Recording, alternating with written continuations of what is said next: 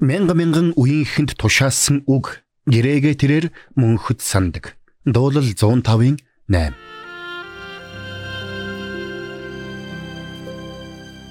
Мэргэний сонсог мэдлэгэд хэлэг.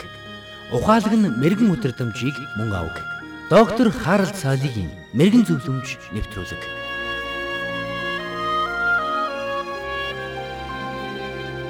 Манай нэвтрүүлгийн нэгэн сонсогч бидэнд дараах загтлыг илгээсэн байна.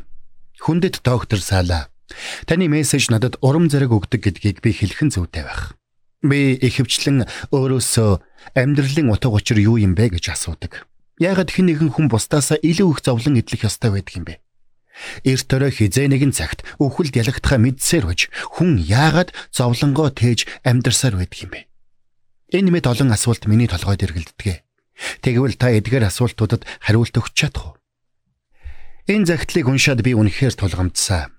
Нэгэн профессор оюутнуудад бурхан хүн болон чөтгөрийн уг түүхийг нэг нүүрэнд багтааж бичих даалгавар өгсөн гэдэг шиг мэдээж би маш богино хугацаанд энэ бүх асуултуудад хариулт өгч чадахгүй.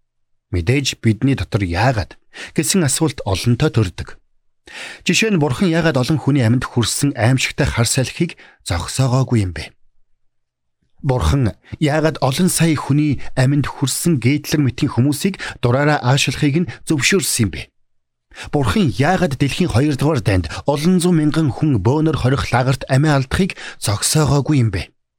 Бурхан яагаад зарим хүмүүсийг үдсгэлэнтэй төрөхийг зөвшөөрдөг атла заримыг нь царай муутай төрүүлдэг юм бэ? Яагаад энэ дэлхий дээр зовлон шаналл байдаг юм бэ? Яагаад гим зэмгүй нялх хүүхдүүд амиа алддаг юм бэ?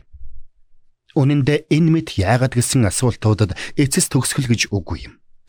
Олон зуун жилийн туршид хүмүүс яагаад яагаад хэмээн асуусаар ирсэн. Гэвч энэ бүх хугацаанд Бурхан бидний яагаад гэсэн асуултын хариултыг өгөөгүй л байна. C.S. Lewis нэгэнтээ энэ талаар дурдсан байдаг. Сонирхолтой нь тэр бидэнд яагаад гэдэг асуултын хариултыг өгөхийн оронд биднийг Бурханд дуулууртай байхыг уриалсан байдаг. Өнөөдөр хэрвээ таны дотор яагаад гэсэн асуултууд байгаа бол та Библийг нухацтай судалж эхлээрэй гэж би танд зөвлөмөр байна. Учир нь Библи бол энэ мэд асуултуудад хариулт өгч чадах цорын ганц ном юм. Философч тэр, шинжлэх ухаанч тэр, үлгэр домогч тэр аль аль нь бидний яагаад гэсэн асуултуудад хариулт өгч чадахгүй. Яг хав түүх бидэнд багсаг ойлголт өгч чадна. Учир нь хүн төрлөختөнд өөрсдөд нь асуудал байна гэдгийг түүх бидэнд сануулж өгдөг. Ягд гэвэл хүн төрлөختөн хизээч алдаа бүтлгүүтлээсээ суралцдаггүй болохыг түүх бидэнд батлан харуулдаг. Тэгвэл би хий юм бэ? Би хаанаас ирсэн бэ? Би нас бараад хаашаа явах вэ гэх мэт амьдралын хамгийн амаргүй асуултуудад цогц хариултуудыг өгч чадах цорын ганц ном бол Библи. Гэхдээ бид нэг зүйлийг ойлгох хэрэгтэй. Бид яагаад гэж асуудагч, яагаад үгүй гэж гэж тэр бүр асуудаггүй. Үнэн хэрэгтээ зовлон бэрхшээлээр дүүрэн төгс бос энэ ертөнцид амьдралын утга учирыг өгдөг цорын ганц нэгэн бол Бурхан гэдгийг бид ойлгох хэрэгтэй. Бид зарим нэг зүйлийг ойлгочихвол болно гэж боддог. Гэтэл миний туршилгаар бол миний ойлгож мэдсэн зүйлс миний ойлгохгүй байгаа зүйлсээс ч дутхааргүй сэтгэлийн зовлонг надад өгдөг. Тиймээс надад сонголт байна. Би амьдралынхаа туршид шалтгааг тоочж энэ шудраг биш байна. Тэр ч шудраг биш байна хэмээн гомдолж болно. Эсвэл би зүгээр л бурхан намайг юу хийгээсэ гэж хүсэж байна вэ гэсэн ганц л асуултыг өмнөө тавиад тууштайгаар урагшилж болно.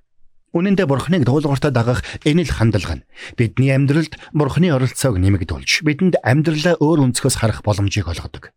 Энэ тохиолдолд бид яагаад гэдгийг ойлгох шаардлагагүй болж үүнийг бурханд итгэлтэйгээр даатгаж чаддаг.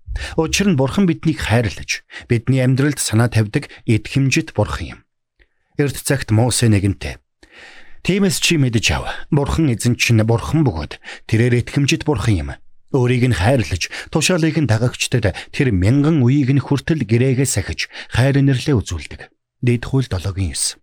Химэн тунхагласан байдаг. Мосе энд хамгийн түрүүнд бурхан бол бурхан гэдгийг сануулсан байна.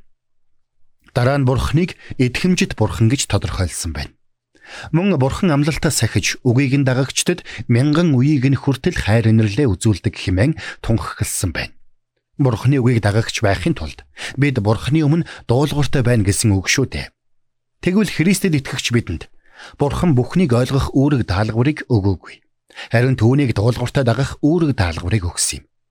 Альберт Эйнштейний эхнэрээс нэгэн сурвалжлагч Та нөхрийнхөө нээсэн харьцангуй онолыг ойлгодгоо гэж асуужээ. Харин эхнэр нь түүнд "Үгүй ээ, гэхдээ айлбарт ойлгодог. Түүнд итгэхэд л надад хангалттай" гэж хариулсан гэдэг. Үнэхээр бурхандаа итгэж түүнийг дуулууртаа дагах нь бидний хувьд баяр хөөртэй, аз жаргалтай амьдрах үндсэн зам билээ.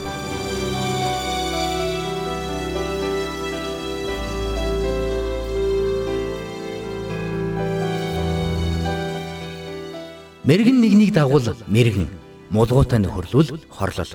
Доктор Харалт цайлигийн мэрэгэн зөвлөмж нэвтрүүлэг танд хүрэлээ.